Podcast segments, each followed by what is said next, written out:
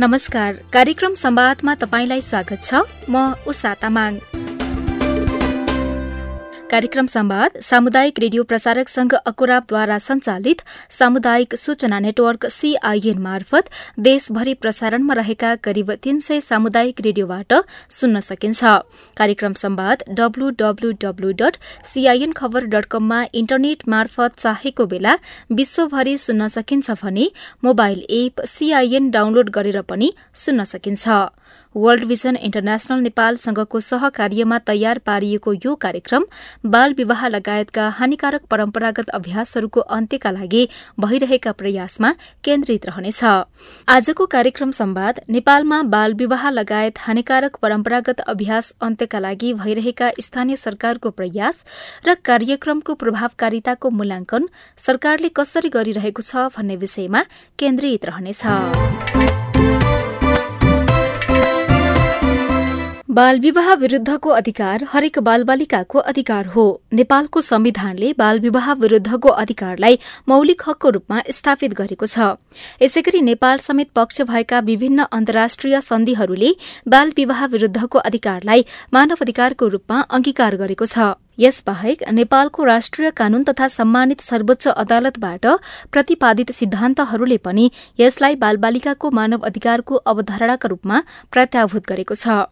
सोही अनुरूप स्थानीय सरकारले आफ्ना नीति तथा कार्यक्रम तर्जुमा गरी कार्यान्वयन गरिरहेका छन्। साथीमान बहादुर कुंवरले जुम्लाको पातारासी गाउँपालिकाका उपाध्यक्ष जनमाया रोकायासँग बालविवाह लगायत हानिकारक परम्परागत अभ्यास अन्त्यका लागि पालिकाले गरिरहेको पहलका विषयमा विषयमा कुराकानी गर्नुभएको छ।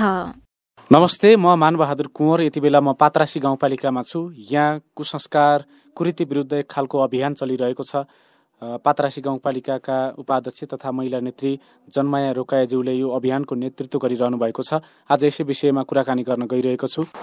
हजुर कुराकानीको लागि तपाईँलाई हार्दिक स्वागत गरेँ। तपाईँको परिचय बताइदिनुहोस् न। धन्यवाद। मेरो नाम जन्माया रोकाए पात्रासी गाउँपालिकाको उपाध्यक्ष। हजुर।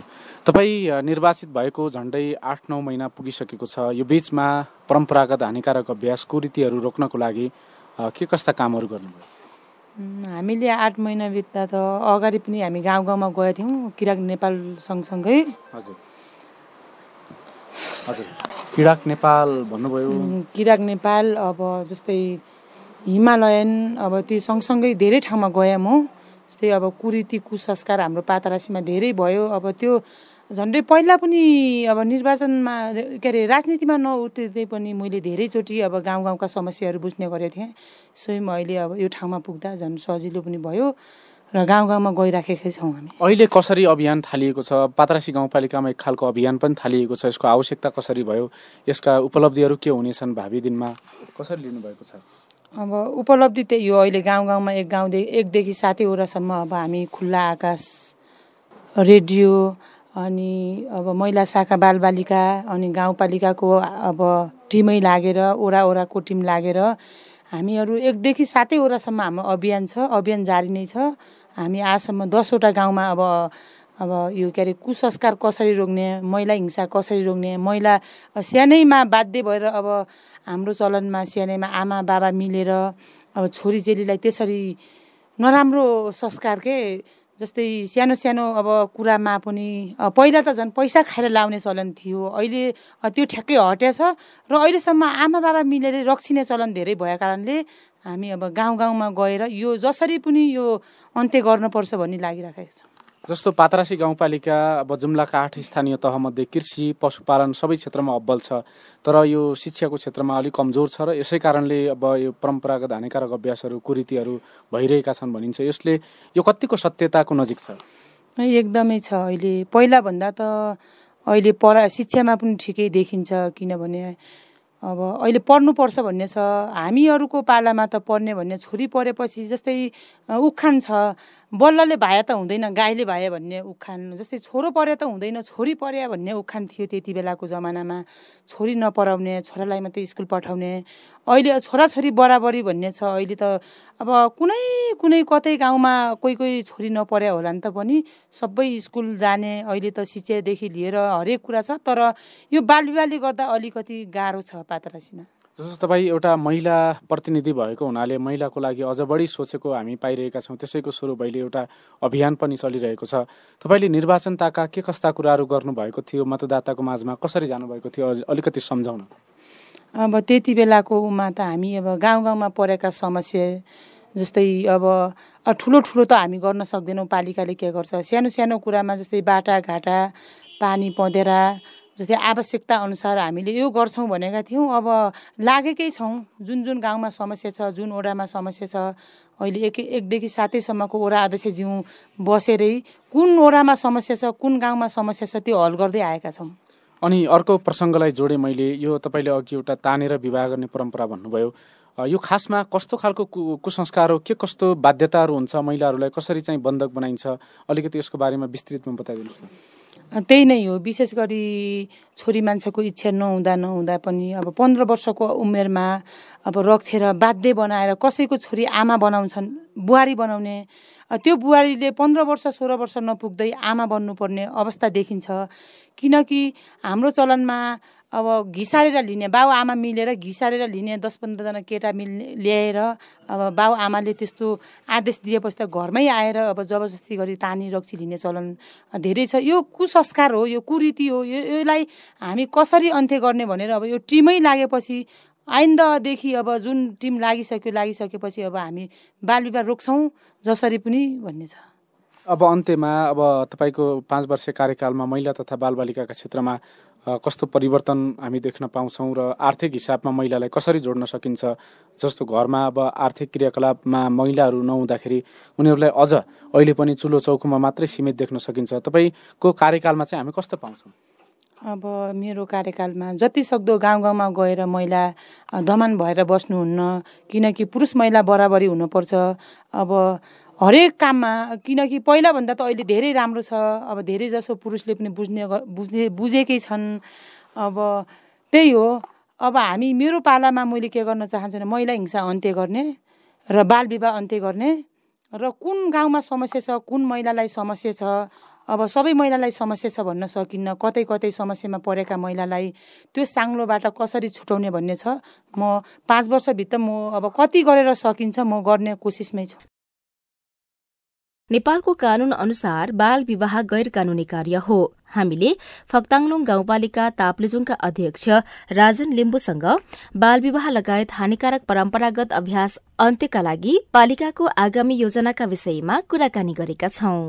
अब यो समाजमा हुन त अब धेरै किसिमका कुराहरू छन्। समाजले अहिले नै चाहिँ अब जादुमय तरिकाले हामीले परिवर्तन गर्न सकिँदैन। र यसलाई बिस्तारै बिस्तारै क्रमिक रूपले हामीले चेन्ज गर्ने हो।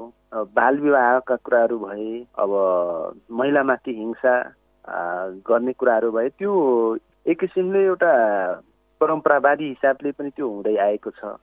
र यसलाई अब बिस्तारै बिस्तारो शिक्षा शिक्षित बनाउँदै लगिसकेपछि अब सम्बन्धितले पनि यो कुराहरू बुझ्दै जान्छन्।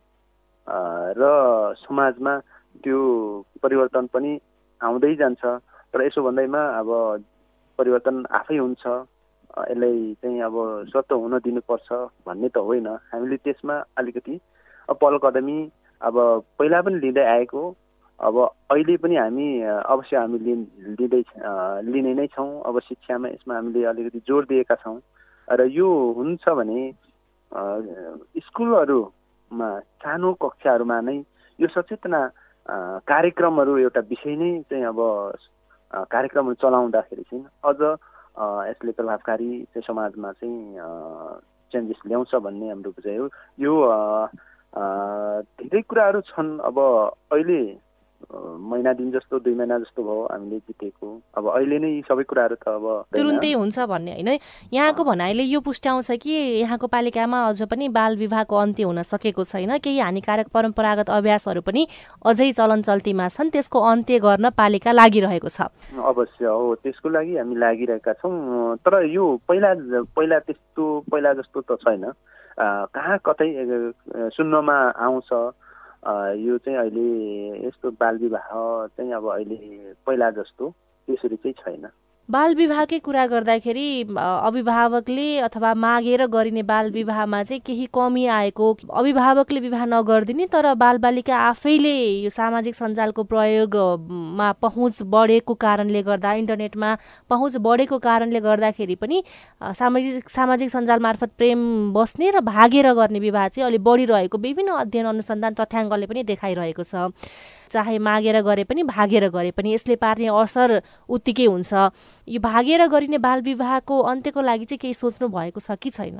अब यो विशेष गरेर त्यही हो। अहिले तपाईँले भन्नुभएको जस्तै अब अहिले घरमै मागेर अब अहिले उमेर नपुग्दै अब परिवारले दिने र विवाह चाहिँ गर्ने अहिले चलन चल्ती छैन। तर तपाईँले भने जस्तै सामाजिक सञ्जाल र आफै उनीहरूको चाहिँ सो इच्छाले भागेर जाने अब बस्ने त्यस्तो छिटफुट छ। अब यसलाई हामीले मेन कुरो त अब सचेतना नै हो शिक्षा नै हो। अब एक्सिडेन्टली हुने कुराहरू त्यो फाल्टे कुरा हो। तर पनि चाहिँ अब बालकहरूले बच्चाहरूले चाहिँ अब यो नबुझेरै नै चाहिँ अब अलिकति बालपनमै चाहिँ अब इङ्गेज हुने अथवा चाहिँ बे गर्ने। अब यो कुराहरू चाहिँ शिक्षा नै हो फेरि। अब यो हाम्रो मैले फेरि पनि स्कुलमै यो कुराहरू चाहिँ बेसिक लेभलदेखि नै हामीले जस्तै स्वास्थ्य शिक्षाको विषयमा अब यो सामाजिक कुराहरूको विषयमा अनि जीवनको विषयमा अब यो हामीले यो कुराहरू चाहिँ धेरै फोकस गर्दैनौँ। हाम्रो बच्चाहरूलाई खालि किताब रटान त्यो बाहेकका अरू शिक्षा व्यवहारिक शिक्षाहरू हामी यो अहिले छैन। त्यसले गर्दा पनि यो अलिकति पढेका बच्चाहरूमा पनि अलिक कमी कमजोरी भइरहेको छ। अब हामीले यो करिकुलमहरू यो विषयहरू अलिक थप गरेर सचेतना अवेरनेसहरू हामीले अलिक कार्यक्रमहरूलाई अलिक बढी फोकस गर्नुपर्छ होला भन्ने नै चाहिँ मलाई चाहिँ लाग्छ। तपाई अहिले साप्ताहिक रेडियो कार्यक्रम संवाद सुनिरहनु भएको छ। वर्ल्ड भिजन इन्टरनेशनल नेपालसँगको सहकार्यमा सीआईएनले तयार पारेको यो कार्यक्रम बाल विवाह लगायतका हानिकारक परम्परागत अभ्यासहरूको अन्त्यका लागि भइरहेका प्रयासमा केन्द्रित रहेको छ। हानिकारक परम्परागत अभ्यास अन्त्यका लागि नेपालको संविधानले मौलिक हक अन्तर्गत धारा उनातिसमा प्रत्येक व्यक्तिलाई शोषण विरूद्धको हक प्रदान गरेको छ। यसै गरी उपधारा दुईले धर्म प्रथा परम्परा संस्कार र प्रचलन वा अन्य कुनै पनि आधारमा कुनै पनि व्यक्तिलाई शोषण गर्न पाइने छैन भनी स्पष्ट रूपमा व्याख्या गरेर हरेक व्यक्तिले हिंसामुक्त जीवनयापन गर्न पाउने अधिकार पनि सुनिश्चित गरेको छ। तर पनि यस्ता विभेदको अन्त्य नै हुन भने सकेको छैन। संयुक्त राष्ट्रसंघको सदस्य संस्थाको हैसियतले सबैको मानवाधिकारको संरक्षण सम्वर्धन र परिपूर्ति गर्नु नेपाल सरकारको अन्तर्राष्ट्रिय जवाबदेहिता पनि रहेको छ। आर्थिक सामाजिक तथा सांस्कृतिक समिति विश्वव्यापी आवधिक प्रतिवेदन दुई हजार पन्ध्र अनुसार बालविवाह लगायत हानिकारक परम्परागत अभ्यास दण्डनीय बनाउने अन्त्य गर्ने सुझाव नेपाल सरकारलाई दिएको छ। सोही अनुरूप नेपाल सरकारले बाल विवाह मुक्त राष्ट्र निर्माणमा जोड़ दिइरहेको छ। तर पनि बाल विवाह लगायत हानिकारक परम्परागत अभ्यासको अन्त्य हुन सकेको छैन। सरकारले हरेक वर्ष यस्ता हानिकारक परम्परागत अभ्यास अन्त्यका लागि कार्यक्रमहरूमा तर्जुमा गरी कार्यान्वयन गरिरहेको छ। यस्ता कार्यक्रमको प्रभावकारिता सरकारले कसरी मापन गरिरहेको छ? साथी सुशीला श्रेष्ठले महिला बालबालिका तथा ज्येष्ठ नागरिक मन्त्रालयका प्रवक्ता यमलाल भूषालसँग कुराकानी गर्नुभएको छ। अब वास्तवमा तपाईँले भनेको कुरा एकदमै महत्त्वपूर्ण हो। हामीले जुन अपेक्षा गरेका थियौँ जुन लेभलमा पुग्ने अपेक्षा गरेका थियौँ त्यो लेभलमा पुग्यौँ पुगेनौँ त्यो मूल्याङ्कन गर्नुपर्ने विषय छ। यद्यपि हामीले यो महिला अधिकार र महिला हिंसाको न्यूनीकरणको निम्ति चाहिँ धेरै प्रयासहरू गर्दै आएका छौँ। मन्त्रालयले यो लामो समयसम्म चाहिँ यसमा एक्सर्साइज गरेको छ र पहिलेको अवस्था अहिलेको अवस्थामा चाहिँ धेरै कुराहरू चाहिँ परिवर्तन भएको चाहिँ छ। यद्यपि जुन लेभलमा पुग्नुपर्ने हो किनभने त्यो विकास भनेको त एकैचोटि टुङ्गिने कुरा होइन। अब आगामी दिनमा पनि हामीले यो विषयमा चाहिँ थप समन्वय गरेर थप मिहिनेत गरेर अगाडि बढ्नुपर्ने आवश्यकता चाहिँ छ। किनकि यो चाहिँ यो हन्ड्रेड पर्सेन्ट चाहिँ लक्ष्य हासिल गर्नको निम्ति हामीले लामो यात्रा तय गर्नुपर्नेछ। परिवर्तनको मूल्याङ्कन चाहिँ सरकारले कसरी गरिरहेको छ? सरकारले यसको इतिहास हेर्दा हुन्छ होइन? यसले चाहिँ अब जस्तो दुई हजार बाहन्न सालबाट यो महिला बालबालिका तथा ज्येष्ठ नागरिक मन्त्रालय स्थापना भएको हो र त्यसपछि यसले महिलाको हक हितको निम्ति महिलाका इस्युहरूलाई चाहिँ ह्यान्डल गर्नको निम्ति यसले अनवरत रूपले चाहिँ प्रयास गरिराख्यो। त्यसले गर्दा अब त्यतिखेरको परिवेश र अहिलेको परिवेश हेर्दाखेरि नै थाहा हुन्छ कि अहिले महिलाको सिचुएसनमा केही केही हदसम्म परिवर्तन भएको छ। हामीले यो समावेशीकरणका नीतिहरू चाहिँ राज्यले लिएको छ। महिलाका सहभागिताका विषयहरू तपाईँले चाहिँ राजनीतिक नेतृत्व भन्नुहोस् प्रशासनिक नेतृत्व भन्नुहोस् त्यहाँ अलिक यी क्षेत्रहरूमा हेर्दाखेरि पनि धेरै सहभागिता भएको छ। त्यसैले चाहिँ अब स्थितिमा चाहिँ धेरै परिवर्तन आएको छ। तर अब जुन जुन एउटा जुन लेभलमा पुग्नुपर्ने हो त्यसको निम्ति त हामीले अझै थुप्रै मेहनतहरू गर्नुपर्ने छ नै। अब सन् दुई हजार तिसमा सबै किसिमका हानिकारक परम्परागत अभ्यास अन्त्य गर्ने हाम्रो लक्ष्य छ। अहिले हामी कुन अवस्थामा छौँ? त्यसको कहिले मापन गरिएको छ? अहिले हामी यो यस्ता हानिकारक अभ्यासहरू अन्त्य गर्नको निम्ति धेरै प्रयासहरू गरिरहेका छौँ। जस्तो अहिले अघि नै यो विषयमा चर्चा गरियो कि जस्तो बक्सी प्रथा बक्सीको आरोप लगाउने गरिएका उदाहरणहरू छन् बाल विवाहका चाहिँ अवस्थाहरू पनि छन् कहीँ छाउपडी प्रथा छ र त्यस्तै कहीँ दाइजो प्रथा छ यस्ता यस्ता किसिमका समस्याहरू छन्। र यी फेरि नेपालमा यस्ता समस्याहरू एकै ठाउँमा सबै समस्या छैनन्। विभिन्न ठाउँमा विभिन्न छुट्टा किसिमका समस्याहरू छन्। त्यसैले त्यो ठाउँ विशेष स्थानीय लेभलको विशेष हामीले चाहिँ ती हानिकारक अभ्यासको अन्त्य गर्नको निम्ति छुट्टा छुट्टै प्रोग्राम लिएर अगाडि जानुपर्ने हुन्छ। अहिले हामीले मूल्याङ्कन गर्दाखेरि पहिलेको तुलनामा धेरै परिवर्तन भएको हामीले चाहिँ महसुस त गरेका छौँ। तर तथ्याङ्कीय हिसाबले देखाउने आधार के छ भन्न खोजेको? हामीसँग अहिले चाहिँ ठ्याक्कै तथ्याङ्कमा कहाँ पुगेको छ र के छ भनेर अहिले भन्ने अवस्था त मसँग छैन। तर पनि यो यी चाहिँ हानिकारक अभ्यासहरू पहिलेको तुलनामा घटिरहेका चाहिँ हामीले चाहिँ भनौँ न अरू अरू विभिन्न किसिमको यो पर्सेप्सन सर्वेहरू मा पनि यस्तो अनुभूति गर्न सकिन्छ। तर तैपनि अब आगामी दिनमा पनि किनभने हाम्रा नीति कार्यक्रममा यी विषयले कन्टिन्युटी पाइरहेका छन् र त्यसलाई चाहिँ जुन लेभलमा हामी पुगेका छौँ त्यहाँबाट चाहिँ फेरि सुधार्दै थप प्रयासहरू गर्दै जानुपर्ने अवस्थामा छौँ। हरेक वर्ष कार्यक्रमहरू ल्याउँछौँ नीति तथा कार्यक्रम हिंसा निर्मूल गर्ने महिला हिंसा अन्त्य गर्ने भनेर कार्यक्रम ल्याउँछौँ तर कार्यक्रम एकै प्रकृतिको हुन्छ। उस्तै उस्तै कार्यक्रमहरू चाहिँ निरन्तरता पाइरहेको देखिन्छ होइन? ती कार्यक्रमहरूको प्रभावकारिताको मूल्याङ्कन गरिएको छ कि छैन? अहिलेसम्म चाहिँ। जस्तो अहिले यहाँले चाहिँ हाम्रो कार्यक्रमहरू हेर्नुभयो भने यो दुर्गम क्षेत्रमा यो आर्थिक अवस्था कमजोर भएका महिलाहरू जो गर्भवती अवस्थामा भएका महिलाहरू जुन सुत्केरी हुने समयमा जोखिममा परेका हुन्छन् तिनीहरूलाई हवाई उद्धार गरेर चाहिँ सुरक्षित ठाउँमा ल्याएर सुत्केरी गराउने गरिएको छ।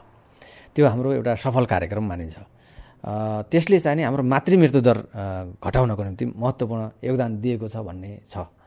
अहिले हाम्रो चाहिँ हाम्रो सम्बन्धित सेक्सनमा गएर हेर्नुभयो भने अहिलेसम्म कति महिलाहरूको उद्धार गरियो भन्ने चाहिँ त्यहाँ तथ्याङ्क पाउन सक्नुहुन्छ।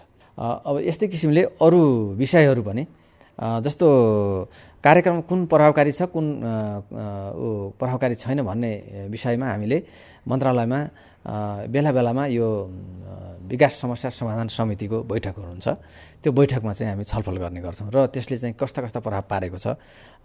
र त्यसलाई चाहिँ कन्टिन्युटी दिने अथवा त्यसलाई चाहिँ केही रिमोडल गर्ने अथवा पुनर्संरचना गर्ने के आवश्यकता पर्छ भन्ने पनि हामी छलफल गर्छौँ। त्यसरी अगाडि बढ्ने गरेका छौँ।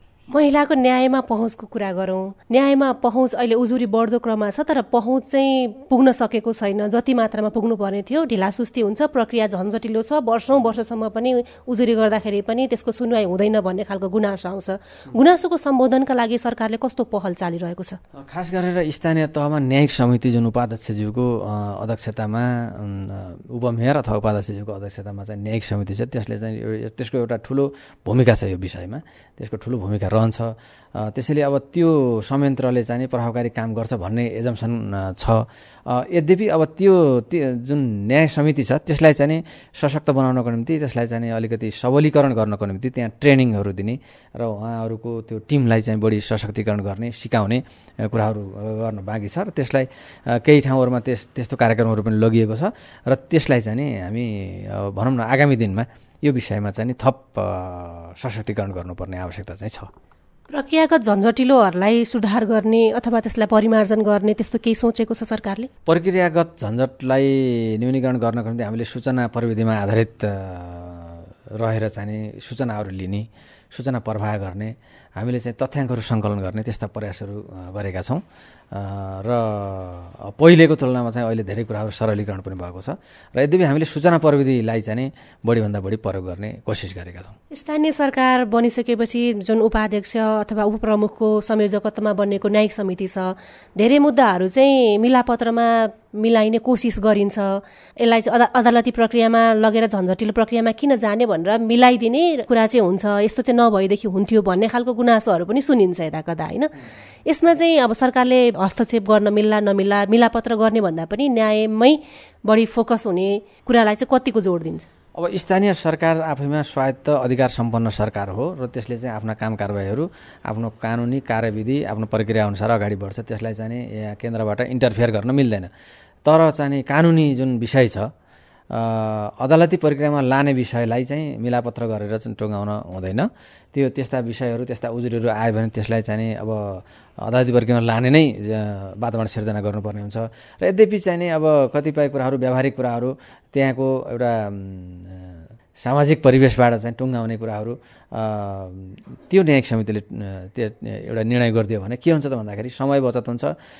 त्यहाँको चाहिँ अरू अरू त्यहाँको त्यहाँ जुन चाहिँ त्यो झगडा अथवा चाहिँ त्यसले द्वन्द्वले अप्ठ्यारो पार्ने हो त्यो द्वन्द्व न्यूनीकरण हुन्छ। त्यसले पनि राम्रो प्रभाव पार्छ।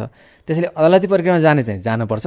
कुन अदालती प्रक्रियामा जाने हो र कुन जानु नपर्ने हो कुन तलै टुङ्गाउने भन्ने विषयमा कतिपय ठाउँहरूमा चाहिँ ओरिएन्टेसन गर्नुपर्ने आवश्यकता छ। यति बेला हामी अब आगामी आर्थिक वर्षको लागि नीति तथा कार्यक्रम बजेटिङको कुराहरू छलफल गरिरहनु भएको छ। आगामी आर्थिक वर्षमा त्यस्तो नयाँ कार्यक्रम के ल्याउने सोचमा हुनुहुन्छ जसले चाहिँ महिला हिंसा न्यूनीकरणमा महत्त्वपूर्ण भूमिका खेल्नेछ? अब कस्तो छ त भन्दा अहिले हामीले चाहिँ यो सङ्घीय सरकारले यो विषयमा कामहरू गरिरहेका छौँ। प्रदेशले पनि यसमा काम गरिरहेको छ। स्थानीय तहले पनि काम गरिरहेको छ। हामीले चाहिँ के यो विषय चाहिँ नि हामी सङ्घ प्रदेश र स्थानीय तहको यो छुट्टा छुट्टै स्वायत्तता भए पनि यो विषय चाहिँ यो युनि एउटा चाहिँ एकीकृत विषय हो यसलाई टुक्राउन मिल्दैन। त्यसैले सङ्घ प्रदेश र स्थानीय तहसँग समन्वय गरेर बाँकी जस्ता अनि तपाईँले भन्नुभयो हानिकारक अभ्यासहरू को अन्त्य गर्ने अलिकति सचेतनाका कार्यक्रमहरू अगाडि बढाउने यस्ता विषयहरूमा समन्वय गरेर कसरी जान सकिन्छ त्यस त्यस त्यो लाइनमा हामीले छलफल गरिरहेका छौँ। तिनी तिनी तहको सरकारबिच समन्वय बढाउने गरी। समन्वय बढीभन्दा बढी समन्वय चाहिँ बढाउने। कसरी बढी समन्वय गर्न सकिन्छ त्यसमा चाहिँ हामी लागिरहेका छौँ। अहिले तिनै तहको सरकारबीच चाहिँ सम्पर्क समन्वय कम हुँदाखेरि कार्यक्रम प्रभावकारी भएन भन्ने खालको गुनासो आउँछन्। यसलाई चाहिँ यो यथार्थ हो अथवा के हो त? होइन यो चाहिँ यो हाम्रो नयाँ अभ्यास हो होइन? पहिले चाहिँ नि हाम्रो हामीसँग त्यो अभ्यास थिएन। अहिले चाहिँ हामी राज्यको पुनर्संरचना गरिसकेपछि यो यो अभ्यासमा चाहिँ हामी छौँ। र अब अहिले हामीले चाहिँ के अनुभूति गरिरहेका छौँ भने केही न केही समन्वयको चाहिँ टुल्सहरू इन्स्ट्रुमेन्टहरू बढाउनु पर्ने हुन्छ र सङ्घ प्रदेश स्थानीय तहले कतिपय विषयहरू एकाकार भएर चाहिँ अगाडि बढ्नुपर्छ भन्ने हामीले सोचिरहेका छौँ। त्यो चाहिँ यथार्थता हो। यो सँगै कार्यक्रम सम्वादको निर्धारित समय सकिने लागेको छ। आजको विषयवस्तु तपाईँलाई कस्तो लाग्यो? बाल विवाह लगायत हानिकारक परम्परागत अभ्यासहरूको अन्त्यका लागि तपाईँको केही अनुभव पो छन् कि? हाम्रो टेलिफोन नम्बर शून्य एक बाहन्न साठी छ चार छमा फोन गरेर दिइएको निर्देशन अनुसार तपाईँ आफ्नो अनुभव तथा सल्लाह सुझाव जिज्ञासा एवं प्रतिक्रिया रेकर्ड गराउन सक्नुहुन्छ। साथै तपाईँले हामीलाई हाम्रो Facebook page community information network सीआईएनमा गएर पनि आफ्ना कुरा लेख्न सक्नुहुनेछ। हामी तपाईँको प्रतिक्रिया पर्खिरहनेछौ। वर्ल्ड भिजन इन्टरनेशनल नेपालसँगको सहकार्यमा सीआईएनले तयार पारेको कार्यक्रम संवादबाट प्राविधिक साथी सुभाष पन्तसँगै म उषा तामाङ पनि विदा हुन्छु। नमस्कार।